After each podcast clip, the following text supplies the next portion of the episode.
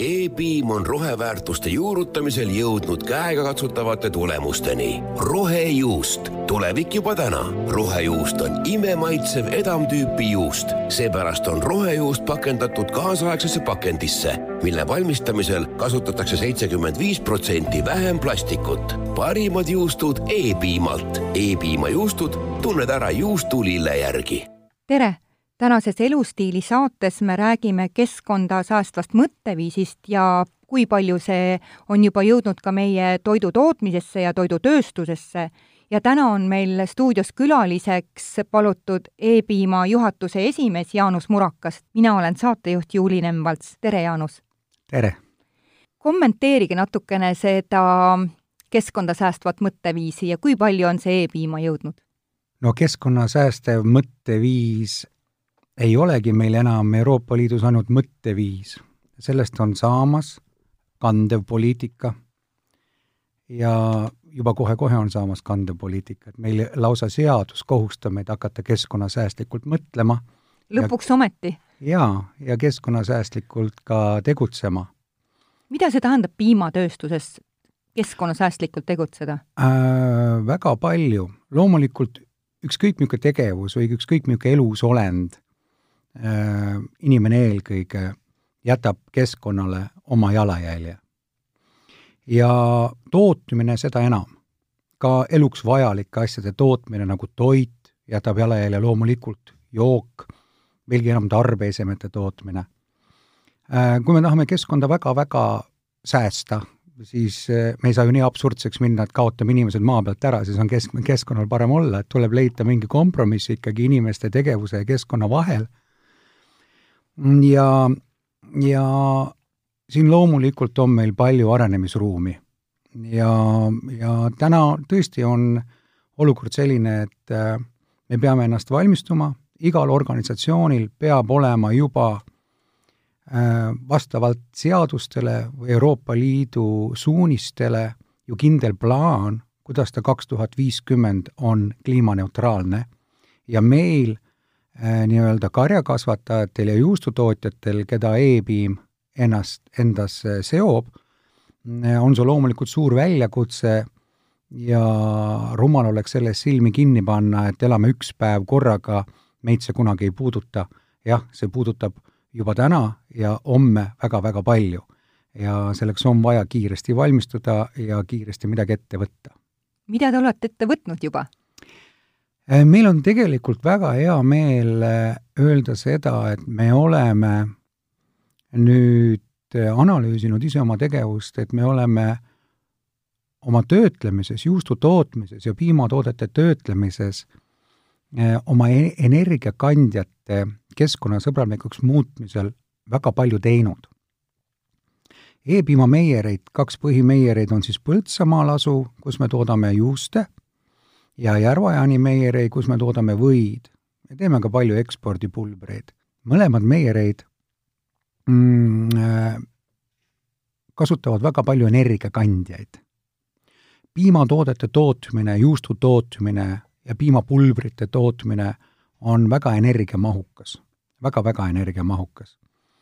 ja kahte tüüpi energiat me kasutame seal, kui tarbijale rääkida või kuulajale rääkida, on siis soojusenergia ja elektrienergia. lihtsad terminoloogiad, aga vahest on vaja üle korrutada. ja soojusenergiat äh, kasutatakse, soojusenergia tootmiseks me kasutame ju väga erinevaid äh, baasenergiaid, kas siis gaasi või põlevkiviõli või põlevkivienergiat, aga e-piim e on juba aastaid meiereides soojusenergiat mis on üks põhiline energiakuluallikas, et lõpuks juust toota, kasutame me meie kodumaist taastuvat hakkepuitu, taastuvenergiat hakkepuitu. ja see on nagu hea baas, kust nagu edasi minna. elektrienergiat ostame me börsilt, nii nagu me kõik, kuid elektrienergia puhul on ka juba täna võimalik sõlmida lepinguid, et see elekter, mida sina tarbid, on toodetud nii-öelda rohelisest energiast või taastuvenergia komponentide baasil. Ja see on tõesti hea baas, millel me juba täna oleme ja siit äh, me mõtlesimegi, et aga kui kaugele üldse täna, praegusel hetkel, kaks tuhat üheksateist, kaks tuhat kakskümmend, kui palju on siis võimalik juba täna sinna tulevikku liikuda, et äh, tuua turule üks toode, mis on siis tõesti juba nagu, nagu tulevikutoode. ja selles suunas me siis hakkasimegi nii-öelda juurutama nüüd uut juustu, rohejuustu. jaa, see nimi on intrigeeriv, et ma, mulle kuidagi algusel seostus ta rohelise juustuga, et kuidas see nimi üldse tuli? No eks see rohejuustu nimi, nagu me täna ka räägime elustiilist äh,, ta on ikkagi väärtuse, väärtushinnangute põhiselt rohe. juust ise on nagu ikka juustuvärvi, kollast värvi ja on toodetud äh, sarnaselt kõigi teiste e-piima juustudega. aga nüüd ongi küsimus, et kuidas seda juustu toota selliselt, et see ökoloogiline jalajälg oleks võimalikult väike. millised võimalused on? Just nimelt, just see, mida me enne just rääkisime, kasutada rohelist energiat, kordan veel üle, et nii soojusenergiat kui elektrienergiat. ja loomulikult kasutada vähem plastikut sisaldavat pakendit. ja see on täna juba tehtav, loomulikult kõik on suurte investeeringutega, taastuvenergia katlamajade rajamine on väga suur investeering, mis puudutab nüüd pakenditesse, siis täna sellised vähem plastikut sisaldavad pakendid on küll veel kallimad aga see võib ju ka muutuda, Euroopa Liidus räägitakse väga palju täna juba plastikumaksust ja see oleks väga-väga õige. jah, aga aga majandus on majandus, nagu öeldakse, et majanduses ei saa kiireid muutusi teha, et see võib ükskord maksulaekumisena kõvasti kätte maksta ja siis ei ole meil enam tasuta transporti või või, või heal tasemel meditsiiniteenust, et eh, raha peab lõpuks kuskilt tekkima. Et eks neid samme tuleb astuda, astuda ettevaatlikult, aga mida ma tahan öelda, et väga nii-öelda keeruline ja mahukas on teha muudatusi nii-öelda kui me ütleme juustu esmatootmises ehk piima tootmises, juustu saab ju toota piimast ja kõik algab toorainest ja see raske töö, mida farmerid teevad, on ka nüüd seotud kõikide uute väljakutsetega, mida riigid omavahel kokku on leppinud, ka Eesti on ju ühinenud juba kliimapaketiga, millest edasi tegelikult tulevad sellised täiendused ja laiendused, loomade heaolu ja loomade hea pidamistavade juurutamine veelgi paremal tasandil, kui ta oleks täna, ja meil on siin osas nagu hea jällegi tõdeda, et me oleme kunagi juba hakanud väga õiget teed käima. Ehm, et ka farmi tasandil on meil täna lihtsam minna nende suurte väljakutsete vastu või neid välja võtta, mida kohe-kohe on meil siis Euroopa Liit seadustamas. Ehm, kahe tuhandel aastal EBIM alustas oma farmeritele Tegija farm programmiga. nii, mis endast kujutab? jaa, see oligi, see ongi selline asi, et kui Euroopa Liidus, kui me Euroopa Liiduga ühinesime, siis Eestis hakkas kehtima piimastandard äh, Euroopa Liidu kvaliteedinõuetele lähtuvalt, aga tegelikult on see toiduohutusstandard ja mis ei reguleerigi nii palju kvaliteeti, et see piim oleks ekstra super hea, vaid reguleerib eelkõige ohutust, et see piim peab olema ohutu. aga ohutu piim on ka väga hea ja ka väga kvaliteetne, aga see sõna iseenesest, enesest ju ütleb, et seal on ikkagi veel arenguruumi, on võimalik minna kvaliteediga veelgi kõrgemale.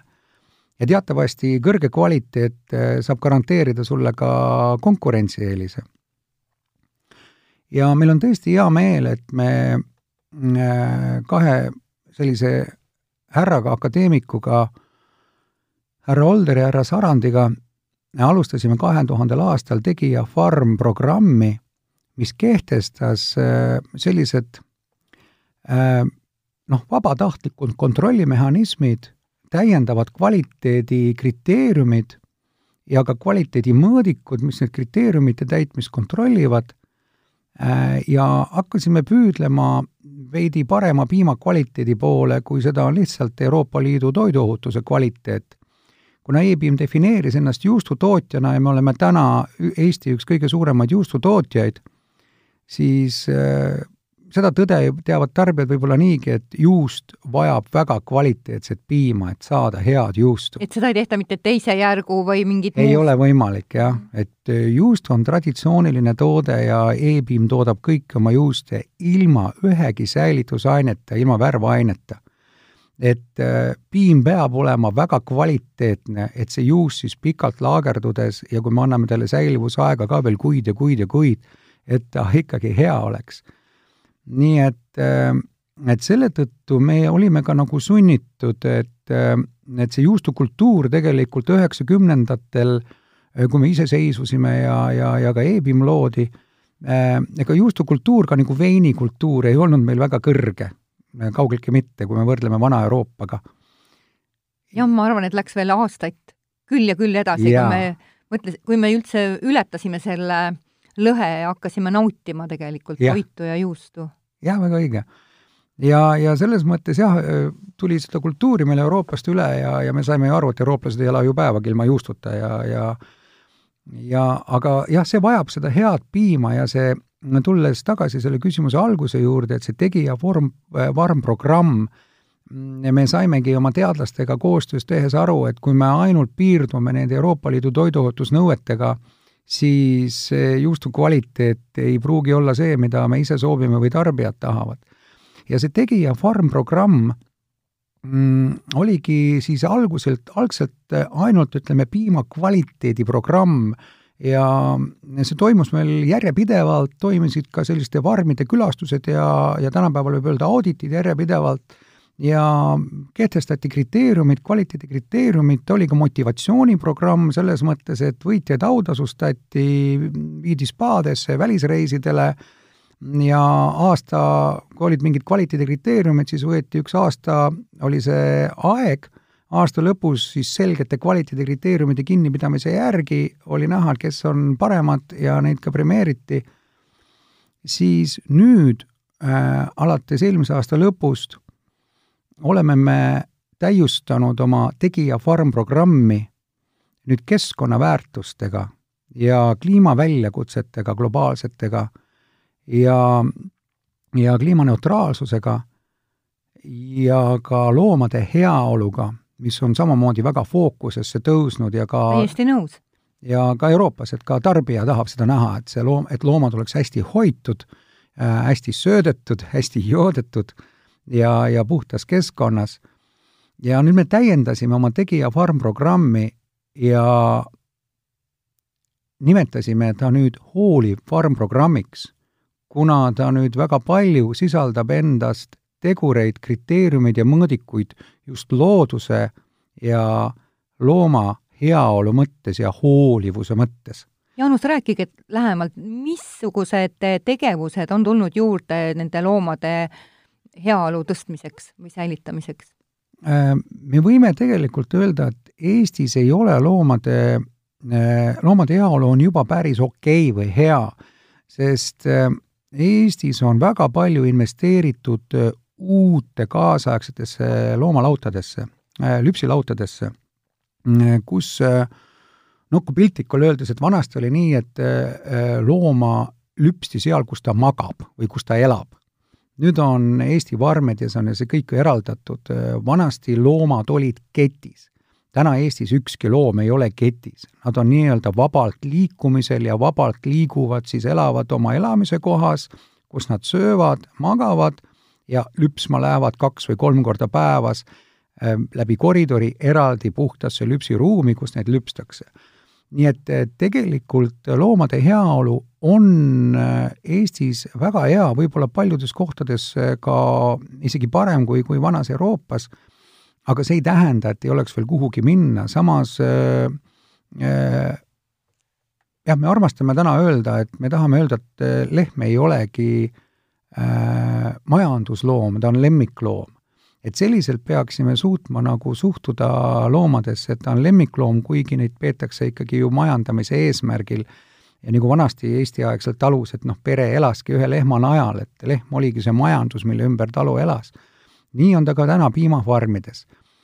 aga kaasaegsed tehnoloogiad loomulikult võimaldavad nüüd siis ehitada selliseid väga loomasõbralikke lautasid, et neil oleks võimalikult eh, liigi, sellele liigile omased elu ja olemise tingimused, sinna kuulub loomulikult pidev söögile juurdepääs, loomakeeles söödale juurdepääs, joogile juurdepääs, nende ravi, nende kiire avastamine, kui neil on midagi tervisega halvasti äh,, niisuguse võlusõna on ka ravimiraamat äh,, meil on ka ju kõigil mingi digiretsepte, mida ja, ja digilugu, mida, mida peetakse meie kohta, perearst peab, nii on ka nii-öelda loomadel, nii et äh, aga see ei tähenda, et ei oleks veel kuhugi nagu pürgida, loomulikult on pürgida. Äh,, ja ka siis, eh, mis kliima, eh, kliimaeesmärke puudutab, siis on kogu sõnnikumajandus, mis on paratamatu loomakasvatusega kaasa, kaasas käiv nähtus, siis siin on loomulikult nüüd ka tulevikus tulemas ikkagi järjest suuremad väljakutsed, põllumehed on kohati juba ise väsinud nendest aastate jooksul pidevalt selle sõnnikumajandusse investeeritavatest kohutavatest suurtest summadest aga nagu pääsu sellest ei ole, et põllumeestele tõesti, piimafarmeritele, eriti just loomakasvatajatele, äh, loomulikult toob nüüd see uusi väljakutseid ja meie oma ühistuga tegelikult üritamegi siis nüüd sellest seadusandlut-, andlusest, nii palju kui seda täna on, ja, ja Euroopa poolt tulevatest kõikidest signaalidest ja riikidevahelistest kokkulepetest võimalikult ruttu siis äh, välja sõeluda selle vajaliku mateeria, ja ka oma farmeritele see edasi viia, et mis meid, mis meid nagu eest, ees ootab, ega pead ei tasu nagu liiva all panna. kui palju oleks abi sellest, kui sellest lägast või sõnnikust jälle omakorda energiat toodetakse? Seda täna ka tehakse ja ilmselt tulevikus tehakse veel rohkem, aga ma tean, et need tasuvusajad on hästi pikad, viisteist ja rohkem aastat. jaa, need tasuvusajad on väga pikad mm,, kuid siin on ka teine pool, et äh, Euroopas on veel üks suur probleem, et äh, põllu, kardetakse, et põllumaa kaotab oma saagikuse potentsiaali läbi oma kvaliteedi pot-, äh, boniteedi kaotuse. Sest meil on vaja põllule ka midagi tagasi viia, põllu on vaja väetada ja kui me nüüd jälle vaatame seda Euroopa Liidu rohepööret, siis eh, tahetakse päris drastiliselt vähendada kunstväetiste ja ka taimekaitsevahendite kasutust. nüüd praegu me saame saaki väga palju Euroopas läbi kunstväetiste, ka siin on Eestis olukord väga hea, Eesti kasutab tunduvalt vähem kunstväetisi kui Kesk-Euroopas. aga sellel vist me... on mitu erinevat põhjendust, miks on mitu põhjendust, aga, aga kui selle sõnniku või läga teema juurde tagasi tulla, siis eh, eks läbi aastatuhandete ikkagi loomaramm on põldu tagasi viidud ja niimoodi seda põldu väetatud, et kui me tast kõigest energia ajame, siis ei ole millega põldu väetada. kas ei ole mitte see, et see lõpus, see substraat, mis sinna jääb eh, sellest eh, mis on juba nüüd energiakandselt välja võetud ja siis jääb selline mingi kook seal järgi, et tegelikult põld omastab, seda muldu omastab palju paremini nüüd seda lõpp-produkti kui seda lämmastikkurikast sõnnikut?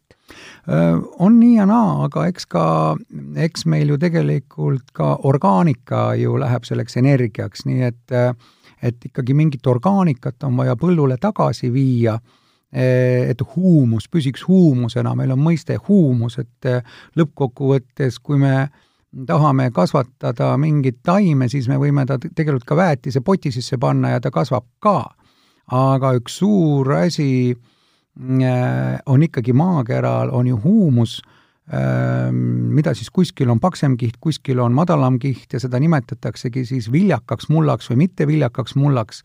Ja tegelikult äh, viljakas muld on äh, palju tähtsam tegelikult kui meie naftavarud maapõues või meie kullavarud maapõues. et seda me otseselt suhu ei pane. et viljakas muld on ikkagi see, et tänapäeval meil on äh, nii-öelda startup'ide majanduse, äppide majanduse ja me unustame ära need baasväärtused, mis on üliolulised, mille najal tegelikult elu meil maakeral püsib. ja üks nendest on viljakas muld. Jaanus, kui te me, kui te rääkisite sellest ähm, farmi äh, kaasaegseks ja hoolitsevaks muutumiseks, eks, ja hooliv farmimärk, palju läksid investeeringud maksma just tööstuse poole peal, kus siis toota seda rohejuustu? no tööstuse peal, poole peal on ka ikkagi investeeringud päris mehised, et kui me näiteks oma meiereis loobusime põlevkivienergia kasutusest soojusenergia tootmisel, no et äh, mõista ühe meierei soojusenergia vajadus, siis siin kõrgete põlevkivihindade baasil meil ühe meierei aastane põlevkiviõli kulu katlamajades oli üle miljoni euro aastas. uskumatu summa. jaa äh,, uskumatu summa, et äh, ongi, et äh, väga energiamahukas on see tootmine, eks äh, nii juustu kui piimapulbri tootmine on energiamahukas. Ja siis oligi meil otsus ehitada taastuvenergia katlamaja. ja see investeering läks meil maksma kolm koma kolmkümmend kaheksa miljonit, et äh, siis teha investeering, et minna üle taastuvenergiale loomulikult oleks, oleks selle rahaga väga palju muud olnud teha ka põhitootmises või tehnoloogia uuenduses või arendustes, aga äh, selline otsus oli.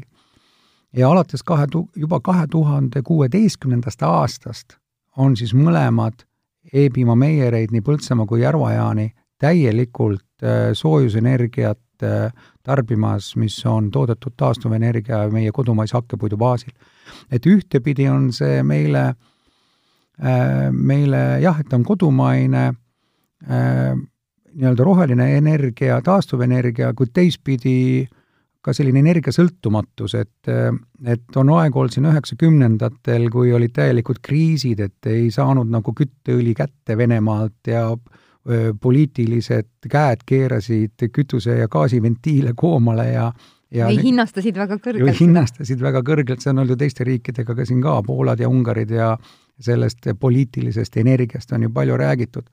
et metsa meil kasvab kiiresti, energiavõsa kasvab kiiresti ja siin on tõesti selline win-win olukord, et sellest heast äh, metsamajandamisest räägitakse ju ka nii palju. Jaanus, ma tahtsin veel küsida vahele, et äh, mitme aasta pärast võiks olla see tasuv, äh, nüüd ütleme, see kolm koma kolm miljonit eurot, olete te vaadanud? no eks selline tasuvusaeg jah, neid hetkel, kui neid investeeringuid tehakse, siis loomulikult tehakse tasuvusajad hetkehindadega, mis siis maailmaturul või, või kehtivad, mis on siis nagu õli hind ja mis on hakkepuidu hind. et kui meie kaks tuhat kuusteist, kaks tuhat seitseteist esimesed kaks aastat selle katlamajaga töötasime, siis hakkepuidu hinnad olid sellel hetkel turul väga-väga madalad.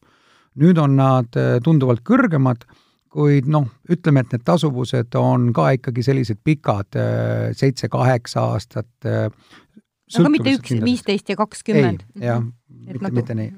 kui palju olete kasutanud ka või kas olete kasutanud riigipoolseid toetusi või on üldse taastuvenergia jaamade ja. puhul midagi võimalik olnud taotleda? jaa, oleme ikka kasutanud, ka selle katlamaja puhul tegelikult oli päris pikk ja keeruline tee eh, saada toetust.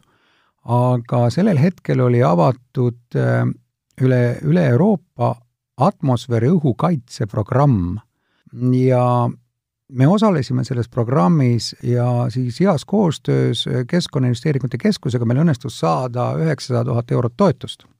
aga see tõi meile veelgi rohkem suuri kohustusi, et kuna see oli atmosfääri õhukaitse programm, siis seal ei olnud, ei olnud ainult eesmärgiks see, et oleks taastuvenergia katlamaja, ka nüüd heitgaasid, mis lähevad korstnast välja, neid kontrolliti ja need pidid olema väga madalad. ütleme, et Euroopa Liidus on sellised normid seal nelisada äh, milligramm ühes kuupmeetris, siis me investeerisime eraldi elektrifiltrisse, mis puhastab väljuvad äh, gaasid tahmaosakestest, tahketest tahmaosakestest täiesti puhtaks ja selle kohta pidime eraldi tegema ka siis äh, uuringu ja me saime selle nelja, neljasaja asemel numbriks kümme, kuigi meie taotlus oli kaheksakümmend, aga see filter oli nii efektiivne. Ja täna on tõesti hea vaadata, et kui kunagi meil korsten tossas põlevkivi tossu järgi, siis nüüd ei, nüüd kui kaugelt sõidad, meier ei näe, kas meier ei töötab või ei tööta, et süda hakkab lööke vahele jätma, aga, aga, aga lihtsalt tossu enam ei tule. aga see on ka visuaalselt meil väga, väga nagu hästi näha, et seal elektrifiltri all on üks konteiner ja kolme nädalaga tuleb sinna üks peenikest tahma, üliõljuvat peenikest tahma, terve konteineri täis, mis muidu lendaks atmosfääri. meie välispartnerid, kuna me müüme siin kaupa ka Jaapanisse ja Hiinasse, niisugust lastetoidu komponenti näiteks Hiinasse, siis käib tihti ka audiitoreid ja ja teatavasti Hiinas on ju suur suduprobleem, et seal, ma olen ise Hiinas olnud, kus päeval kell üks ei ole päikest õieti näha, kuigi pilvi ei ole läbi sudu, siis noh, nemad on seal ilma kommentaarideta seda vaadanud ja mõelnud, et, et näed, saabki tahma suhteliselt noh, nende jaoks, Hiinas on ju raha palju, nende jaoks väikeste investeeringutega igas katlamajas kinni püüda. Jaanus, aga kui nüüd me oleme rääkinud sellest hoolivast farmist, sellest, selle hooliva farmi märgist, mida see tähendab, me oleme rääkinud natukene ka, palju see on nüüd investeeringuid äh, vajanud just energia tootmisesse, räägime natukene tootmisliinidest, et mis tähendab seitsekümmend viis protsenti vähem plastikut ja mis on jälle selle võrdusmärgi taga, palju läks investeeringute peale? praegu on tegelikult, äh, täna me pakime nüüd siis seda rohejuustu äh, samade masinatega, millega me pakime tavalist. küsimus on nüüd pakkematerjal. toiduainete tööstus ostab ju tohutus koguses pakkematerjali. tarbija tahab järjest rohkem, et kõik oleks ette pakendatud, viilutatud ja nii edasi, nii edasi, nii edasi ja pakkematerjalile minevad kulud ja kogused on toiduainetööstuses tõesti väga-väga suured. Ja pakenditööstus on selline suur tööstusharu kogu maailmas. ja täna, nagu ma ütlesin, et äh, need vähem, vähema plastikuga pakendid on kallimad ja võib-olla, et nende, neid pakendeid kasutades ei saa anda ka tootele nii äh, pikka säilivusaega aga me ka näeme praegu siin, et selle rohepöörde tingimustes, mis on tõesti suur uus poliitika, see ei ole ainult sõnakõlks, sellest see ongi Euroopa jaoks nüüd uus peamine oluline poliitika ja selle järgi hinnatakse kõiki teisi tegevusi, kõik ülejäänud asjad on äh, tagajärg. see tohutult mulle meeldib. meie pere ka sorteerib prahti või ütleme, jäätmeid ja ma näen, kui palju on seda plastikut, igapäevaselt tuleb mulle mingi koti täis. ma ei taha üldse seda. ma olen ja. selle eest maksnud, ma olen selle ise koju tassinud ma ei annagi praegu nii palju hinnanguid selle poliitikaga, see poliitika nüüd tööstustele nii kiiresti on hea või halb, aga see on paratamatus, eks ole, et, et see on poliitika ja loomulikult on see samm äh, õiges suunas, loomulikult, et ma kõige rohkem tegelikult kardan, et et, et, et selle poliitika liiga kiire implementeerimise juurutamine on vist õige sõna, selle poliitika kiire juurutamise osas ei, ei, ei saaks selles esmatootja äh, kahjustada, et me anname just farmerile tohutult ülesandeid, äh, mis, äh, mis nõuab, nõuab talt investeeringuid, aga farmer kaebleb õieti, et mul on, kõik hinnad tõusevad, aga piima hind mul on viisteist aastat olnud üks ja sama, see ei ole sentigi tõust või teravilja hind. et siin me näeme, kui raskesti ka ühiskond tuleb appi, et kui eelmine aasta farmeritele viieteist miljoni asemel anti kümme miljonit toetusi, siis meile kõigile öeldi veel enne jõule, et seda viit miljonit pole kuskilt saada, et Eesti riigieelarve kukub kokku ja, ja, ja see jäigi neile andmata, eks. nüüd me kuuleme, et kui suured summad võetakse tegelikult laenu, et kuidagi tööstust äh, ja. rohkem ellu äratada. jah, et siin meil on vaja, et kui me mõtleme tegelikult miljardid, miljardid, miljardid, jah, ja kui me mõtlemegi selle peale, et et noh, me peame olema vastutustundlikud ja, ja nägema seda, et meil on tõesti täna Euroopa Liidus keskmisena, Eestis ka, üks protsenti inimesi töötab farmindusega, üks protsenti inimesi toidab ülejäänud üheksakümmend üheksa protsenti et ma olen seda lauset enne ka öelnud, et no me, me otsime hoovad on natuke paigast ära. me otsime, ta ei ole paigast ära, see ongi okei okay,, sest see on läinud nii efektiivseks, kasutatakse nii suurt tehnikat enne kui mingis kolhoosis oli kuussada inimest tööl, siis nüüd on seal võib-olla kuusteist inimest tööl, et see on tohutu efektiivne, intensiivne töö, mis hommikust õhtuni tehakse. aga need inimesed teevad nii kõvasti tööd, neil ei ole õig-, neil ei ole aega oma äh, õiguste eest võidelda ja oma olukorrast rääkida ja linnastunud äh, mõttelaad arvab, et mis neil seal viga on, neil on kõik hästi et siin me peaksime, nii nagu me muretseme, me tahame muretseda hea looduskeskkonna eest, me peame saama aru, et need inimesed, kes seda loodust hooldavad, meil on üks miljon hektarit põllumaad Eestis ja üks protsent inimesi hooldab seda, nendest sõltub väga palju, kui ta Eestimaa välja näeb, kas meil on viljakad mullad ja nii edasi, nii edasi. et see tegevus ei pea olema selline, et nad peavad sellest ise peale maksma, see peab olema neile tulus. me oleme harjunud Eestimaad mööda sõitma, me näeme kenasid rohelisi aasasid ja aasade peal söövad siis vastavalt sellelt, et millises osas Eestimaa, Eestimaas ma liigun, kas musta-valgekirjud lehmad või punased lehmad. kui palju E-piima farmides loomad välja pääsevad või on need ainult noorloomad, kes käivad õues? loomadega on niimoodi, et eh, kui nüüd oleme faktiliselt täpsed, et äh, laktatsiooniperiood ehk see periood, kui peale vasika sündi lehm lüpsab piima, on circa kolmsada päeva. ja üldjuhul loomad on siis ikkagi farmi territooriumil Äh, kuigi tänapäeva varmid on ju sellised, et neil käivad seinad lahti, neil on ainult päikesevari või katus on nagu päikesevarjuks peal ja nad on vabalt liikuvad. nagu ma ütlesin, loomi ketti ei panda. ja nüüd loomulikult noorloomad ja ka nii-öelda kinnised loomad, äh, kes siis ootavad poegimist, äh, neid karjatatakse erineva intensiivsusega ja neid äh, põllumehed karjatavad äh, siis üldjuhul äh, loomulikult lautade lähedal. nojah, sellepärast see loom, kes piima annab, ta ju peaks seda kaks, kaks korda päevas lüpstama. jaa, mhm. tal ei olegi võimalik kuhugi kaugele karjamaale ju minna, et nagu jutt oli, et ta elab ju eraldi nii-öelda farmis ja mööda koridori jalutab siis lüpsiplatsile või lüpsikohta ja ei ole nagu siis reaalne, et ta kõnniks võib-olla viis kilomeetrit kaks korda päevas kuhugi kaugele karjamaale nii et see on täiesti nii-öelda loogiline tegevus. ma olen kuulnud, et osad äh, farmid on niivõrd kaasaegse tehnikaga, et, et siis, kui lehm on käinud ära sellel lüpsiplatsil, tal on kas mingisugune seljasügamise seade ja need lehmad väga armastavad seda või kuidas, kas e kas e-piimafarmides on ka midagi sellist? jaa, jaa, on kindlasti, et seda peavad farmerid nagu tegelikult isegi kiiresti tasuvaks investeeringuks panna loomadele üles neid eh, lehma sügamise harjasi. ja tõesti, noh, kui te ringi sõidate ja näete kuskil loomakarju ja kui seal karjamaal on elektripost või mingi, mingi muu post, siis te näete, et loomad on selle teist värvi nagu süganud, eks. et nad vajavad kogu aeg sügamist, nii nagu lemmikloomad kodus tahavad pai tegemist ja, ja need siis spetsiaalsed sügamismehhanismid või sügamisharjad seal lautades siis teevad selle töö ära.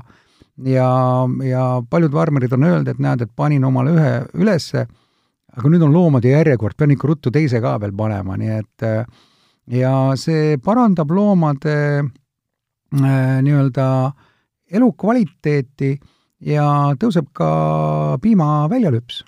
oh nii? jaa, isegi seda Jaanus, millest me ei ole nüüd ju terve selle saate ajal väga pikalt saanud rääkida, on juust ise.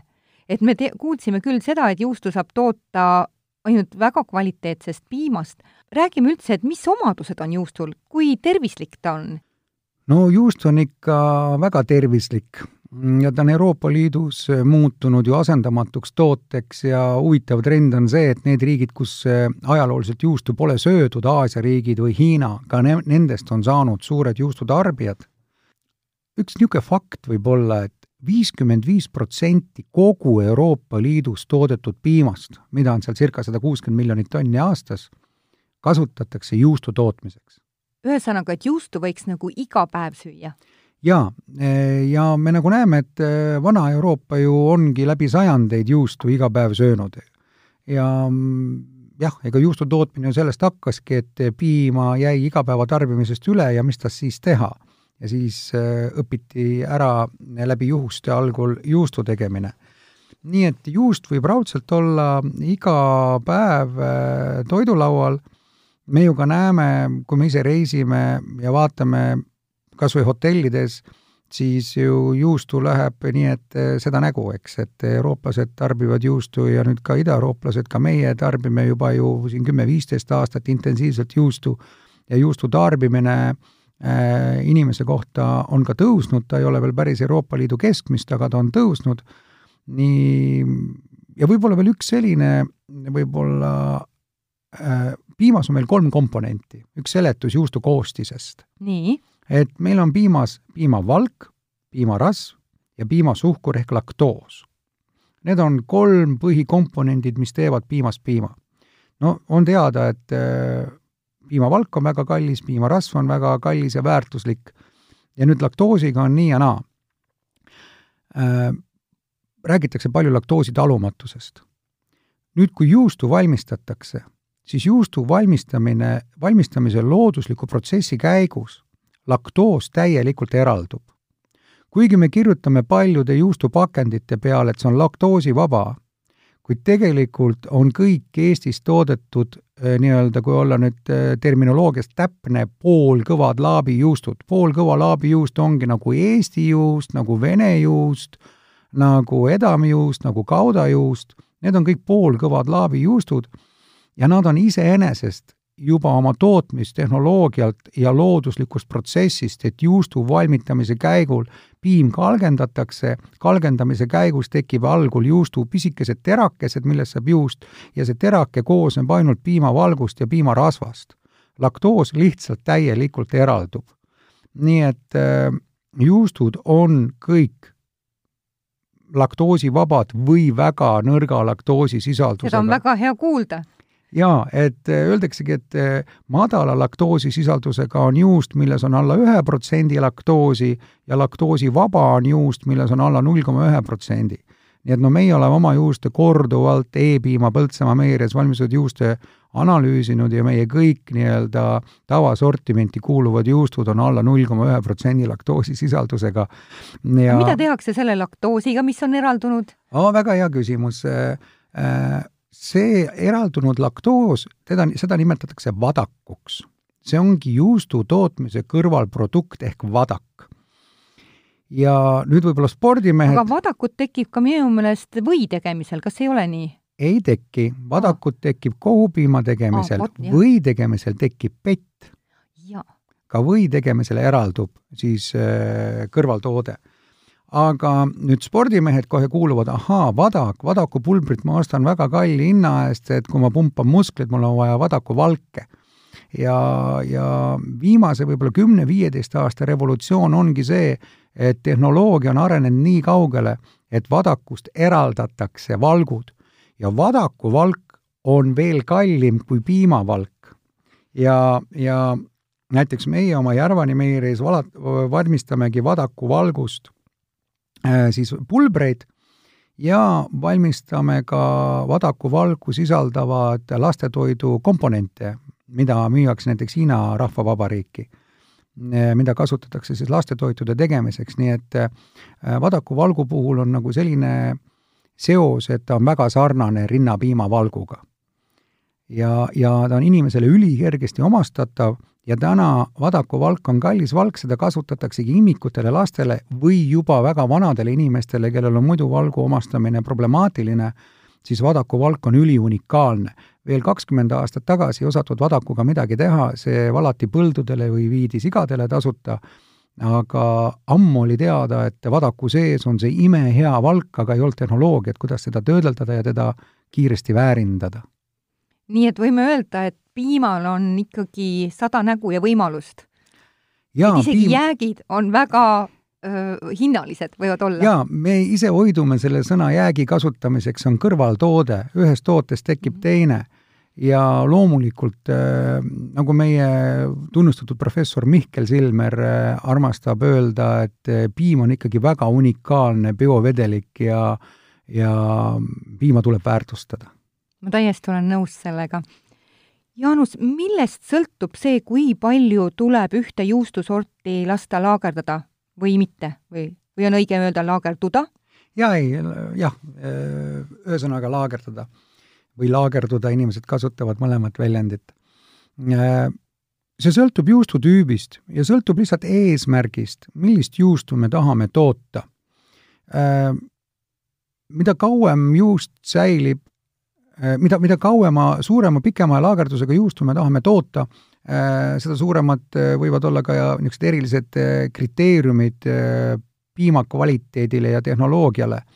kuid selleks on väga erinevaid juuste, kui me vaatame ikkagi, mida meie siin tarbime, siis me oleme nagu Saksa ja Hollandi, nagu Hollandi juustude, Šveitsi juustude äh, nii-öelda klassis Äh, ja, ja need juustud, mida me igapäevaselt tarbime ja mida ka Euroopa igapäevaselt tarbib, et äh, me kõik, kõik unistame väga spetsiifilistest juustudest, aga kui me statistikat vaatame, siis seitsekümmend, kaheksakümmend protsenti juuste on ikkagi need kolmekümne kuni kuuekümne päeva laagerdusega juustud. võib-olla on selles ka roll, et hinnastatakse seda ju üsna kallilt, see, mis on nagu pikema laagerdusajaga. jaa, aga loomulikult juust on ju väga kallis ja siis see raha seisab ju laos ja lihtsalt ootab oma aega, me ju teame ka, et äh, pikalt laagerdunud veinid või konjakid või viskid on väga kallid, et aeg ja. on raha ja aeg maksab Jaanus, aga võtame veel ühe sammu tagasi, et räägime natuke äh, kuulajale lahti ka, mis asi on laagerdamine? tegelikult on küsimus selles, et äh, kui me juustu toodame, siis algul need juustud on kõik väga sarnase maitsega. Ja tulenevalt siis sellest tootmisest, tulenevalt kultuuridest, äh, nii-öelda bakterkultuuridest, mida sinna lisatakse, siis juust hakkab omandama pika aja jooksul ühte või teist maitsenüanssi.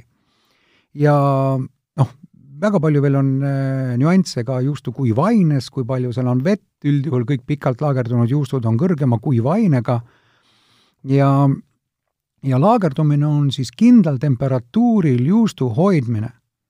No ajalooliselt kasutati selleks koopaid, no praegu on ka riikides äh, äh, Šveitsis, kui keegi satub Šveitsi, siis seal taastati vanad juustu hoidmise koopiad, need Kaltbach on üks selline koht kus on hiiglasuured mäe sisse raiutud koopad uuesti kasutusele võetud ja ka turistid saavad näha, ka Itaalias on niisuguseid kohti. tänapäeval on muidugi tehnoloogiaga kõik lihtsam, et lihtsalt ühte lattu või ruumi luuakse siis püsiv temperatuur. mis see on? Mis see eetpiimal on? Mm, jaa, meil on näiteks temperatuur erineva, erinevate juustusortide puhul siin üheksa kuni kuusteist kraadi.